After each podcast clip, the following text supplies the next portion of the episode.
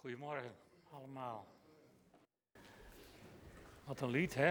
I pray for your healing. Circumstances might change. Wanneer heb je dat voor het laatst tegen iemand gezegd? Buiten de kerk bedoel ik, hè? Gewoon op straat. Of op je werk. Of op school. In het kader van ons jaarthema Samen zijn hebben we drie blokken gekozen. Het eerste blok was samen zijn met het accent op zijn. En de kern daarvan was, je mag bij God zijn wie je bent. We hebben daarbij stilgestaan aan de hand van de gaven uit Romeinen 12 om ons te realiseren dat we allemaal verschillend zijn en dat we er allemaal mogen zijn. Het tweede blok was samen zijn met het accent op samen. En daarin hebben we gefocust op de eenheid in Christus. En voor die eerste twee blokken heb ik een hele belangrijke Bijbeltekst voor mezelf gevonden uit Galaten 3, vers 28. Waar Paulus zegt, daarbij is het niet van belang dat men Jood is of Griek. Daarbij is het niet van belang dat men slaaf is of vrije. En daarbij is het niet van belang dat men man is of vrouw, want allen bent u één in Christus. En daarmee pakt Paulus eigenlijk in één keer drie grote maatschappelijke issues van vandaag. In één Bijbelvers. Je etnische afkomst doet er niet toe. Je maatschappelijke positie doet er niet toe. En je genderpositie doet er ook niet toe. Want allen zijn we één in Christus. En we zijn niet één in Christus omdat we het met elkaar eens zijn. We zijn ook niet één in Christus omdat we elkaar leuk of aardig vinden. Maar we zijn één in Christus omdat Christus aan het kruis ons allemaal in zich verenigd heeft. En daar heb je het maar mee te doen. Dus misschien moet je even om je heen kijken en denken: oh, hij of zij ook? Ja, hij of zij ook, ja. Want het is Christus die dat besluit en niet wij. Goed. Het derde blok willen we focussen op onze plek in de maatschappij als christenen. En vandaag wil ik dat aspect, in de, wil ik een aspect van, van dat in de maatschappij zijn onder jullie aandacht brengen. En dat is de rol van voorbidder. Als de Israëlieten naar Babel zijn gedeporteerd, dan zitten ze daar allemaal van nou, we hopen maar dat we gauw terug kunnen. Ook vandaag de dag zijn er veel christenen die zitten maar van nou, ik hoop maar dat de Heer gauw terugkomt, want dan zijn we eraf. En God spreekt de mensen in Babel aan door de profeet Jeremia. En, en Jeremia zegt tot het volk, bid tot de Heer voor de stad waarheen ik jullie weggevoerd heb. Ja, maar hier wil ik helemaal niet zijn in deze stad. Nee, bid voor de stad waarheen ik je, waar ik je geplaatst heb. Bid voor de plek waar je terecht bent gekomen. En zet je in voor haar bloei, want de bloei van de stad is ook jullie bloei. Dus het is een kwestie van ook nog een beetje eigenbelang eigenlijk, hè? maar het is gewoon de opdracht van God om te bidden voor de plek waar je terecht bent gekomen en je in te zetten voor die plek. En daarbij kom ik op die vraag die ik, die ik je stelde. Bid je wel eens voor iemand in jouw omgeving? En nog enger, weet die persoon dat dan ook? En die vraag wil ik ook aan de luisteraars stellen die volgende week via Smel FM naar deze dienst luisteren. Bidt u wel eens voor iemand in uw omgeving? Of zou u misschien graag willen dat iemand in uw omgeving voor u zou bidden? En kent u iemand in uw omgeving die dat voor u zou kunnen doen, die je dat zou durven vragen? De band heeft een prachtig lied voor ons gezongen. God of Possible, de God van het mogelijke, vandaar de titel van deze preek. En een stukje van de tekst is: Ik bid voor genezing, voor een verandering in omstandigheden, dat angst zal weggaan in Jezus' naam. Ik bid voor een doorbraak, voor wonderen in jouw leven. Prachtige woorden. Maar als we ze alleen maar zingen binnen de veilige muren van dit gebouw, wat heeft het dan voor zin? Dit zou je moeten vertellen aan de mensen die je, zodra je straks na de koffie dit gebouw hebt verlaten, zou je dat moeten durven zeggen tegen mensen. En ik weet best dat dat eng is. Jaren geleden was een vriend van mij, zat in grote problemen, zijn, zijn huwelijk ging niet zo goed, zijn vrouw was, was terminaal ziek, het was een en al ellende.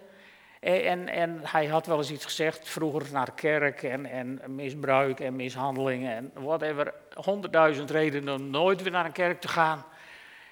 En toen zei hij tegen me, ja maar ik geloof nog wel. En toen zei ik, ik denk dat jij niet meer bidt. En dat ga ik vanaf nu voor je doen. En die werd niet eens boos. En jaren later kreeg ik dat terug. Toen ik zoveel jaar vrijwilliger was, in een toespraak werd dat genoemd met allemaal niet-gelovige mensen erbij. En ik dacht, oh, wat zullen ze wel niet denken? En iedereen vond het bijzonder. Ik heb het ook door schade en schande moeten leren, dat het tamelijk risicoloos is om tegen iemand te zeggen, ik zal voor je bidden. En het grappige was, onlangs werd ik weer geconfronteerd met een vriend, die, een vriendin, die haar man, net met pensioen, onbehandelbaar, terminaal ziek. En tegenwoordig delen we dat via appgroepjes. En wat me opviel, dat van mensen waarvan ik dacht dat ze niet zoveel met geloof hadden, ineens appjes voorbij kwamen met twee van die handjes erin. Weet je wel? Ik dacht, goh, wat bijzonder. Er is meer geloof in de maatschappij dan wij af en toe denken. Prachtig. En opnieuw de vraag: hoe vaak zeg jij dat tegen iemand in je straat? Hoe vaak zeg jij het tegen iemand op je werk, iemand in je klas? Ja, ik zal voor je bidden. Of zullen we anders afspreken dat we vanaf vandaag dat wat vrijmoediger gaan doen? Niet iemand gelijk bespringen om iemand de handen op te leggen, maar gewoon tussen neus en lippen door tegen iemand zeggen: Ja, ik zal voor je bidden. Ik garandeer je, het komt binnen bij mensen. Het haakt ergens vast in hun situaties en misschien kom je jaren later, zoals de Bijbel zegt, je brood tegen op het water. Omdat je alleen dat maar gezegd hebt. Hoe gemakkelijk kan het zijn? Ik zal voor je bidden. En eigenlijk is de belangrijkste vraag: kent de samenleving jou als een biddende christen? Die met nood van de buren, van collega's, van de mensen om je heen, die met nood naar de Heer gaat. Weten ze dat van je? Want dat is zo belangrijk. En daar wil ik met jullie bij stilstaan, vooral naar aanleiding van een uh, verhaal uit Marcus 9 en wat woorden van Paulus uit Efeziërs 1 en 2. God of possible. Mijn eerste opwelling bij die tekst was eigenlijk de woorden: alles is mogelijk voor wie gelooft. Dat staat natuurlijk in de Bijbel. En, en, en die eerste opwelling, die heb ik niet van mezelf, die heb ik geërfd van, van, van de Paken, van Erwin. Die, die was even zijn lijfspreuken. Hij zei altijd, met mijn God spring ik over een muur. En hij zei ook altijd, alles is mogelijk voor wie gelooft. Zeker als het even lastig werd. Alles is mogelijk voor wie gelooft. En dat komt twee keer in de Bijbel voor. In het verhaal van de rijke jongeling en in de genezing van de bezeten jongen. Dat is het verhaal waar ik straks op terugkom. En verder gaat het over de mogelijkheden, de God of possible, over het mogelijke van God. Gaat het altijd of in een vraag van God of voor hem iets onmogelijk zou zijn, of in de dubbele ontkenning dat voor God niets onmogelijk is. Komt niet zo vaak in de Bijbel voor, dus ik ga even met jullie bij die teksten langs. Het is wel leuk om ze even, even te zien, vond ik tenminste. Je komt dat voor het eerst tegen als de engel des Heren bij Abraham en Sarah is om te vertellen dat Sarah zwanger zal worden. Maar ja, Abraham die loopt al naar de 100 en Sarah die zal daar een eh, tikje achteraan gekomen zijn, maar niet zoveel. Dus zij houden dat voor rijkelijk onmogelijk. En dan zegt de engel des Heren tegen Abraham en Sarah, is ook maar iets voor de Heren onmogelijk? Dat is de vraag waar hij ze mee confronteert.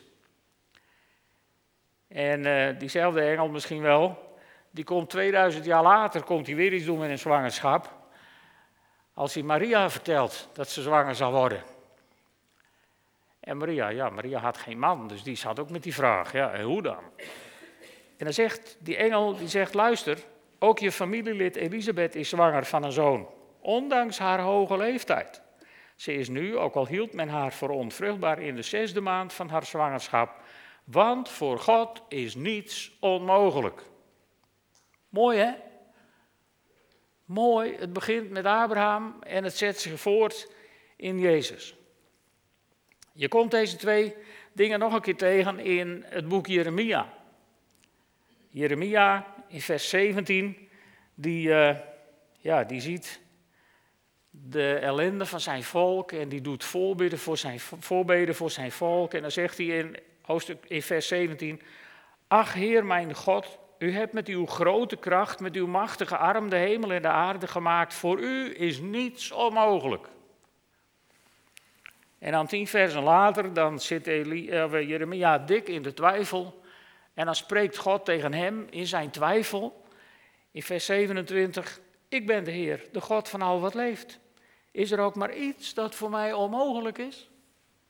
Mooi hè? Dit lijkt, dit lijkt wel een beetje op, op ons christelijk geloof. Als wij terugkijken naar de scheppingsverhalen en de prachtige verhalen uit de Bijbel, dan durven we met de Bijbel onder de arm heel dapper te zeggen: voor God is niets onmogelijk. En op het moment dat het dan in ons leven van vandaag heel ingewikkeld wordt, of iemand heel erg ziek wordt, of je met een heel erg probleem wordt geconfronteerd, dan wordt het een stuk lastiger om zomaar te zeggen: voor de Heer is niets onmogelijk en daarin uit te stappen en voor iemand te gaan bidden. Of, of ben ik de enige die daar last van heeft?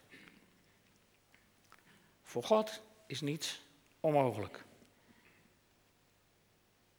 En dan gaan we nog een eind verder. Dan zijn we inmiddels bij de Heer Jezus aangekomen. En die heeft een ontmoeting met een rijke jongeling. En die vraagt, hoe moet ik gered worden? jullie kennen misschien het verhaal wel, anders vertel ik het heel in het kort even.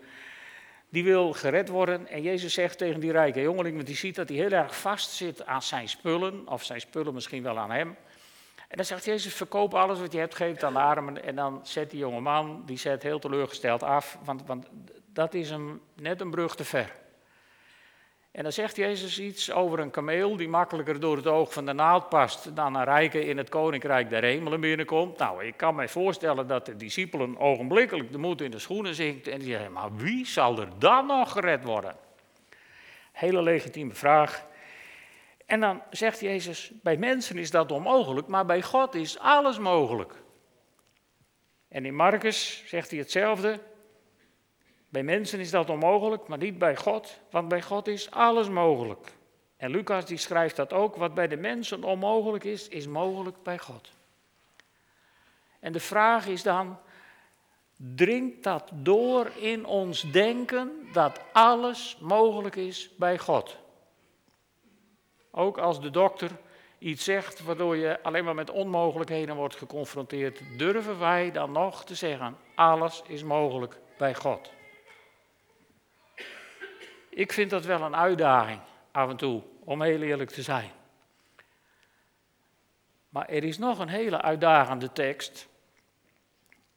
En die staat in Zacharia. Zacharia 8, vers 6.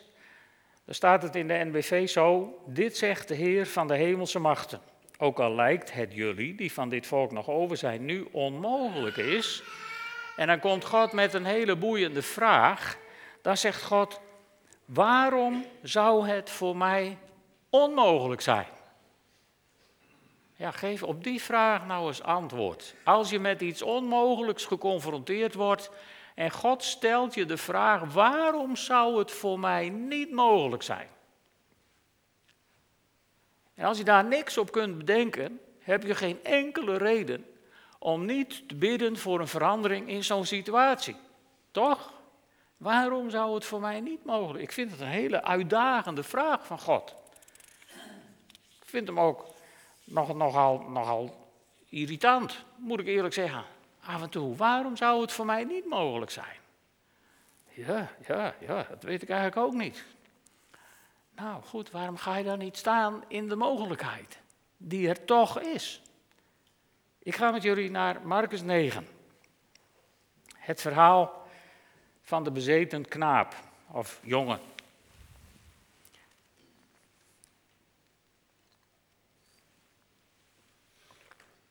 Jezus die is, uh, die is de berg op geweest. Hè. We zijn in de tijd kort voor, voordat zijn lijden aanbreekt.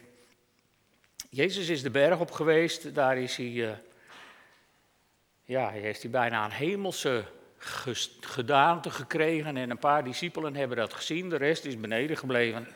En dan komt Jezus terug met die paar leerlingen en dan zien ze een grote menigte onder andere discipelen heen staan. We zijn dan in vers 14.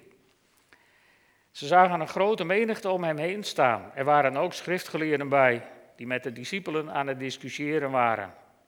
Het leek wel een beetje op de kerk van vandaag. Maar met discussiëren genezen geen zieken. Weet je dat?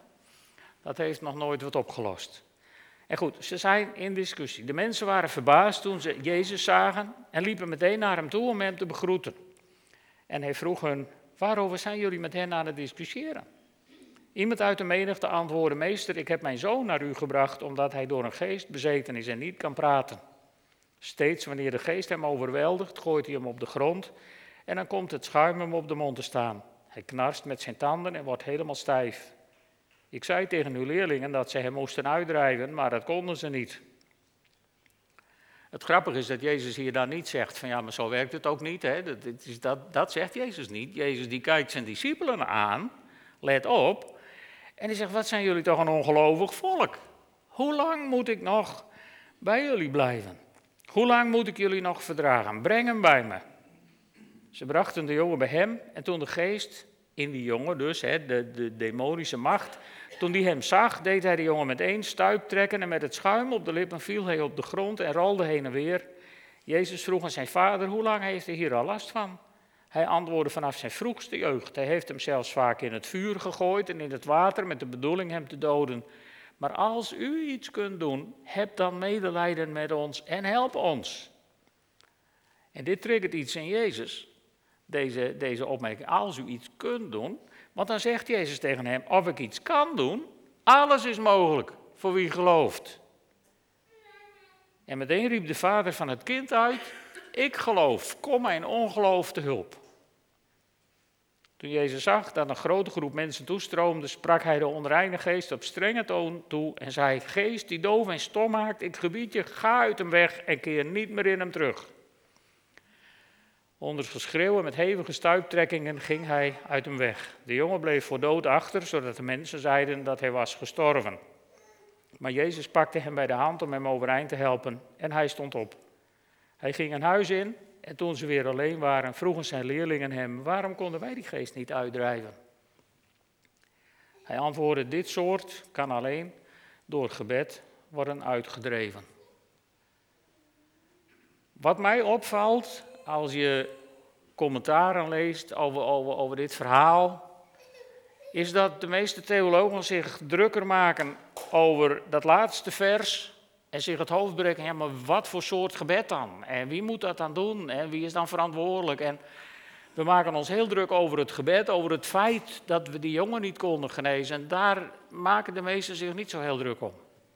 En dan krijg je hele theorieën over hoe je zou moeten bidden. En volgens mij was dat nou net niet wat Jezus hier bedoelde. Want als Jezus tegen die vader zegt, alles is mogelijk voor wie gelooft, dan komt die vader, die komt volgens mij met het gebed der gebeden. Het beste wat je kunt bidden. Want wat doet die vader hier? Ten eerste beleidt hij dat hij gelooft. Hij zegt, ik geloof. Maar hij erkent ook meteen dat zijn geloof niet hetgene is wat het moet doen. Niet genoeg is voor het wonder dat hij nodig heeft. En hij zegt, kom mijn ongeloof te hulp. En hij roept daar dus ook de hulp van God in. Vind je dat niet mooi? Je moet een beetje geloof hebben dat we nog steeds een God hebben die geneest. Maar het hangt niet af van jouw geloof, want je kunt daarbij tegen God zeggen: Ik geloof, maar kom mijn ongeloof te hulp. En meteen gebeurt er dan een wonder. In Matthäus 17 staat ditzelfde verhaal en dan vragen de discipelen ook, waarom kunnen wij dit, de geest niet uitdrijven? En dan zegt Jezus het zo. Hij antwoordde vanwege jullie gebrek aan geloof. Ik verzeker jullie, als jullie geloof hebben als een mosterdzaadje, dan zullen jullie tegen die berg zeggen, verplaats je van hier naar daar en hij zal zich verplaatsen. Niets zal voor jullie onmogelijk zijn. Als ik hier nou een mosterdzaadje zou hebben en ik zou tegen jullie zeggen: Kijk, zie je dat? Dat is groot genoeg. Dan zouden jullie dat niet zien. Daarom heb ik het ook maar niet meegenomen, maar dat heeft geen zin, hè? Maar, maar zoiets is dus genoeg. Onzichtbaar bijna, zeker van een beetje afstand. Het hangt niet van jouw geloof af. Maar een geloof als een mosterdzaadje kan bergen verzetten. Niets zal voor jullie onmogelijk zijn. En weet je, vaak vatten we dat antwoord van Jezus aan de discipelen op als een soort verwijt. En ik geloof niet, het was niet het karakter van Jezus om met verwijten rond te lopen. Ik denk veel eer dat Jezus juist zijn discipelen wilde bemoedigen door te zeggen van joh, al heb je maar zo'n beetje geloof, dan kun je bergen verzetten. Dus je kunt het wel. Doe nou maar, stap maar uit. Want ik sta achter je, of zoals hij aan het eind van Matthäus zegt, ik ben met je tot het einde van de wereld, alle dagen. Doe nou maar. Je kunt het. En, en, en ik, ik geloof zelf dat als wij, als wij tegen mensen zeggen, ik zal voor je bidden, dat we dat latente geloof, wat volgens mij in de samenleving meer aanwezig is dan we, dan we soms uit onderzoeken mogen geloven. Ik denk dat je latent geloof wakker maakt bij mensen door tegen ze, te zeggen, ik zal voor je bidden. En uh, voor mijn uh, afstudeerscriptie heb ik hier uh, wat studie over gemaakt. En toen vond ik een heel mooi citaat, had ik eens bewaard, van Mark Rutte in het Fries Dagblad van 29 oktober 2020 noemt Mark Rutte, het is al even geleden, maar toen noemde Mark Rutte het geloof een grote kracht. Nou kun je heel denigrerend gaan doen over het geloof van Mark Rutte, maar het is niet aan ons om dat te beoordelen. Dus daar moeten we mee ophouden, met dat soort gedoe. Als onze minister-president het lef heeft om in een interview het geloof een grote kracht te noemen, dan moeten wij de hemel danken dat hij dat in het openbaar heeft gezegd en dat dat in de krant staat. In plaats van te neuzelen dat het misschien wel niet zoveel voorstelt. Want dit is bijzonder dat dat in dit land kan. En, en, en er is dus bij meer mensen latent geloof. Er zijn veel mensen die aangeven niks meer met een kerk te hebben, maar wel gelovig zijn. En dan misschien wel niet gelovig volgens de normen van onze kerk of van uw kerk thuis. Misschien hebt u thuis ook wel niks meer met een kerk, maar bent u ook nog gelovig? Want waarom zou u anders naar een dienst luisteren op de radio? En weet je, die normen van die kerk, ik ga er niet op in hoe belangrijk die normen zijn. Maar in welke kerk je ook komt, overal hebben we zo'n soort ongeschreven verwachting van wat we van een christen verwachten. Of niet? We hebben toch allemaal ergens zo'n plaatje in ons achterhoofd. Zo'n soort klein zaklineaaltje waar we iedere nieuwe persoon even mee langs houden. En dat zaklineaaltje, daar moeten we af. Het is niet aan ons om het geloof van een ander te beoordelen. Het enige wat aan ons is, is om voor de Heer te gaan staan, in de spiegel te kijken en te zeggen: Heer, ik geloof. Kom alsjeblieft mijn ongeloof te hulp, want anders red ik het ook niet. Dat is eerlijk christendom. En dat is christendom wat bergen kan verzetten. En aan de andere kant worden die verwachtingspatronen in kerken steeds vager, steeds diffuser, zegt Harmen van Wijnen in het boek Spirituele Ecumene. En daar heeft hij het over een vloeibare kerk en een vloeibaar geloof. En je mag ervan vinden wat je wilt, maar het is wel geloof. Het is geloof. En misschien zijn het maar mosterdzaadjes, maar goed, die kunnen volgens Jezus bergen verzetten. Hè? Dus waarom maken we ons zo druk over de mate van geloof van andere mensen? Mijn oproep vandaag is, joh, ga staan. Roep het uit naar Jezus, ik geloof, kom mijn ongeloof te hulp en stap vervolgens uit om morgen tegen je collega die ziek is of in de shit zit, Of tegen je klasgenoot te zeggen, dat zal morgen niet lukken, want het is vakantie geloof ik, maar dan na de vakantie maar, hè. Bewaar dat dan even, maar zeg de komende weken nou gewoon eens tegen iemand die met zijn nood bij jou komt, joh, ik zal voor je bidden. Gewoon, zo, en dan laat je het. Het doet iets met mensen. Moeilijker is het niet. Maar laat ze weten dat je voor ze bidt. En om jullie te bemoedigen, wil ik afronden met een stukje uit Efeziërs. Ik begin in hoofdstuk 1 bij vers 17. Want dit, dit zouden we ons moeten realiseren. Dit gaat over de kracht die in ons woont. Vers 17. Mogen de God van onze Heer Jezus Christus, de Vader van alle luister, u een geest van inzicht schenken in wat geopenbaard is, opdat u Hem zult kennen. Mogen uw hart verlicht worden, zodat u zult zien waarop u hopen mag nu Hij u geroepen heeft. Hoe rijk de luister is die alle heiligen zullen ontvangen. Er staat geen misschien tussen, hè? Die alle heiligen zullen ontvangen. En hoe overweldigend groot de krachtige werking van Gods macht is voor ons die geloven. Wauw. Die macht was ook werkzaam in Christus toen God hem opwekte uit de dood. Dus de opstandingskracht waarmee Jezus Christus uit het graf kwam, die woont in jou. Dat heb ik niet bedacht, dat schrijft Paulus. En dat moeten we ons gaan realiseren. De macht die ook werkzaam was in Christus, toen God hem opwekte uit de dood en hem in de hemelsferen een plaats gaf aan zijn rechterhand, hoog boven alle hemelse vorsten en heersers, alle machten en krachten en elke naam die genoemd wordt. Niet alleen in deze wereld, maar ook in de toekomstige. Hij heeft alles aan zijn voeten gelegd en hem als hoofd over alles aangesteld voor de kerk die zijn lichaam is, de volheid van hem die alles in allen vervult. U was dood door uw misstappen en zonden, waarmee u de weg ging van de God van deze wereld, de heerser over de machten in de lucht. De geest die nu werkzaam is in hem die God ongehoorzaam zijn. Net als zij lieten ook wij ons eens beheersen door wereldse begeersen. Wij volgden alle zelfzuchtige verlangens en gedachten die in ons opkwamen en stonden van nature bloot aan Gods toorn, net als ieder ander. Maar omdat God zo barmhartig is. Omdat de liefde die Hij voor ons heeft opgevat zo groot is. Heeft Hij ons, die dood waren door onze zonden, samen met Christus levend gemaakt.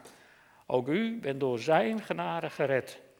Hij heeft ons samen met Hem uit de dood opgewekt en ons een plaats gegeven in de hemelsferen in Christus Jezus. Zo zal Hij in de eeuwen die komen laten zien hoe overweldigend rijk Zijn genade is hoe goed Hij voor ons is door Christus Jezus. Door Zijn genade bent u nu immers gered dankzij uw geloof, maar dat dankt u niet aan uzelf.